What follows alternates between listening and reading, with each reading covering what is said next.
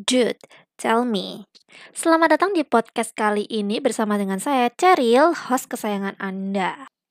Di sesi kali ini kita akan membahas tentang leadership, khususnya tentang delegasi. Sebenarnya delegasi itu sulit atau gampang sih? Hmm, rasanya nggak perlu berlama-lama lagi ya. Di sini sudah ada Emal bersama dengan Cheryl yang siap sharing tentang leadership. Kuy. Nah, selamat datang Kak Emal di podcast Cheryl hari ini ya. Mungkin bisa kenalan dulu dengan pendengar-pendengar sekalian. Halo semua, kenalin aku Emal. Aku di sini owner dari Twin Twin dan Hey Twin. Twin Twin ini bergerak di bidang apa nih Kak?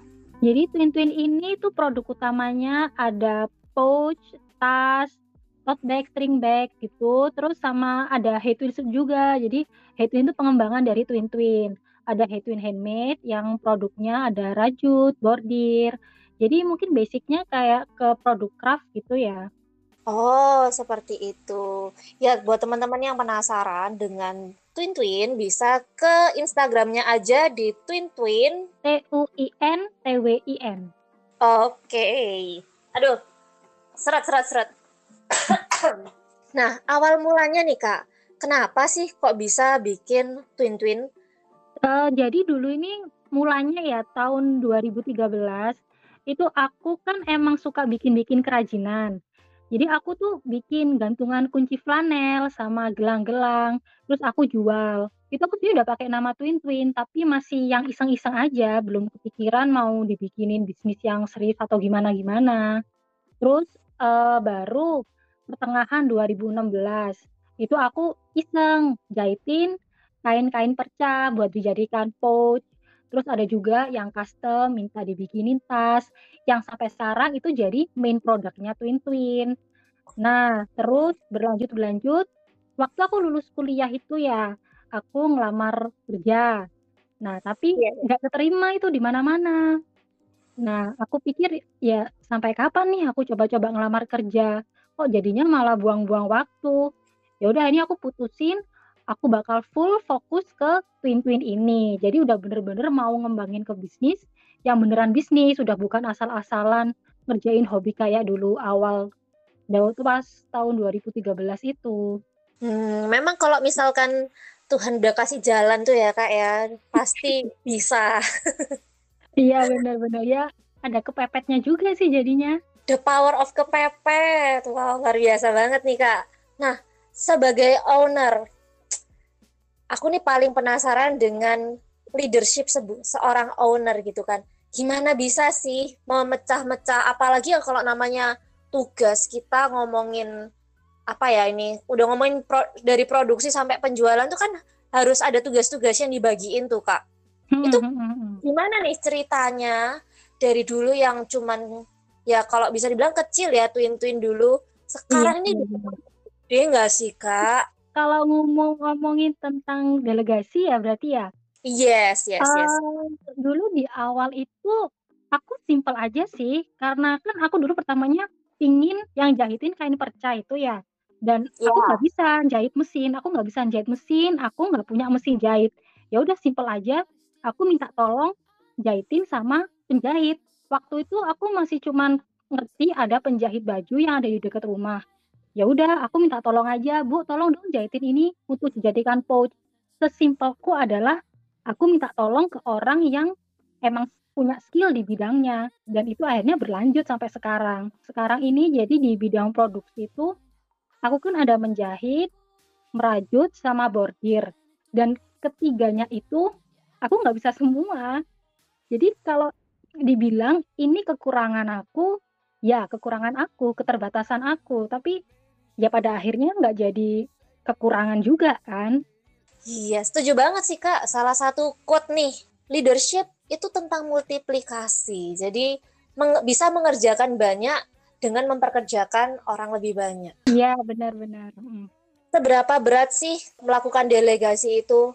Kalau misalkan kita ngomongin ke pemimpin-pemimpin zaman now ya, kalau nggak dari nggak zaman now aja sih dari zaman dulu, katanya berat banget gitu untuk ngelakuin delegasi. Kelihatannya berat banget kalau misalkan harus tugasnya dikasih ke orang lain gitu. Kalau aku ya di awal mendelegasikan ini buat aku pribadi di masalah komunikasi.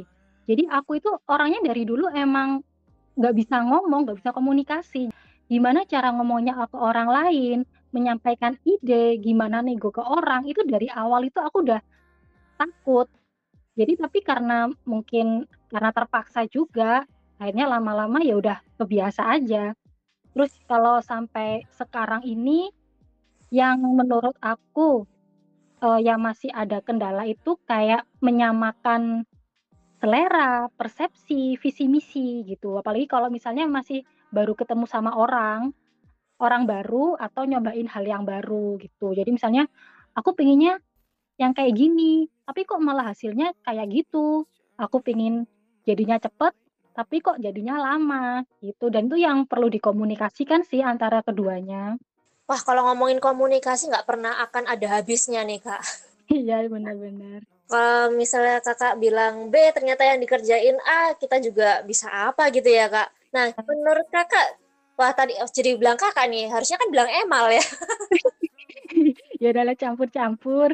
Ya, campur-campur is okay, tidak apa-apa. Dari Emal sendiri gimana nih tips buat teman-teman yang juga kepingin merintis bisnis seperti Emal? Kalau menurut aku nih ya, kalau dari delegasinya, kita ini manusia ya, kita tuh nggak mungkin bisa ahli di segala bidang. Kita juga nggak bisa 100% full penuh dengan keahlian. Jadi ya realistis aja, sadar gitu sama kekurangan diri kita. Gak usah sok-sokan jadi Superman, Superwoman, itu nanti tuh bakal capek atau bahkan ya nggak ya nggak mungkin bisa. Jadi kalau emang niatnya itu mau bisnis yang merupakan jangka panjang, buatlah tim, delegasikan. Seperti kalimat nih yang sering kita dengar. Kalau kamu mau jalan cepat, berjalanlah sendiri. Tapi kalau kamu mau jalan jauh, berjalanlah bersama. Nah, dengan kita punya tim ini, kita jadi bisa menghemat waktu, tenaga, dan pikiran.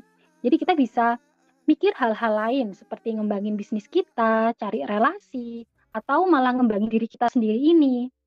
Jadi uh, ditambah lagi nih, menurut pengalamanku, produk-produk yang pengerjaannya ini dilakukan sama timku, hasil penjualannya itu justru lebih baik. Mungkin karena langsung dikerjakan sama ahlinya gitu ya. Jadi kayak semacam nggak perlu waktu trial and error yang lama. Cuman sekali dua kali atau dipoles dikit-dikit itu udah bagus. Jadi cuman nyesuaiin keinginan aja. Kalau misalnya nih uh, kayak yang rajut ya aku kan nggak bisa ngerajut. Terus aku sok-sokan belajar. Kalau misalnya belajar untuk hobi ya nggak masalah. Tapi kalau untuk bisnis ya realistis aja butuh waktu berapa lama sih untuk bisa sebagus sama orang yang udah expert di bidang rajut, sebulan dua bulan tuh belum tentu bisa bagus. Butuh waktu setahun, ya mungkin kita bakal kalah sama pesaing-pesaing di luar sana. Ini baru belajar rajutnya doang, belum kayak ngembangin produknya, masarinnya, belum mikirin yang lain. Jadi bakal ngabisin waktu sama tenaga gitu sih kalau menurut aku. Wah, memang kalau bisnis ini harus quality over quantity gitu ya kak ya. Semuanya harus dikerjakan secara efisien. Iya, kerja keras bagus, tapi kalau bisa kerja cerdas ya kenapa nggak kerja cerdas aja? Setuju banget nih sama kata-katanya Emal. Kerja cerdas dan kerja keras. Nah, akhir kata nih buat teman-teman yang juga kepingin rintis bisnis, bisa join komunitas Moselo terutama buat teman-teman yang ingin merintis bisnis di bidang art dan craft, komunitas ini bisa bantu teman-teman untuk bertemu dengan sesama bisnis owner seperti Kak Emal dan juga bisnis owner yang lain. Gitu ya Kak ya? Iya benar. Oke, sampai di sini dulu ya podcast kita hari ini. Thank you Kak Emal sudah join. Iya, thank you juga Ceril. Bye-bye. Iya, bye.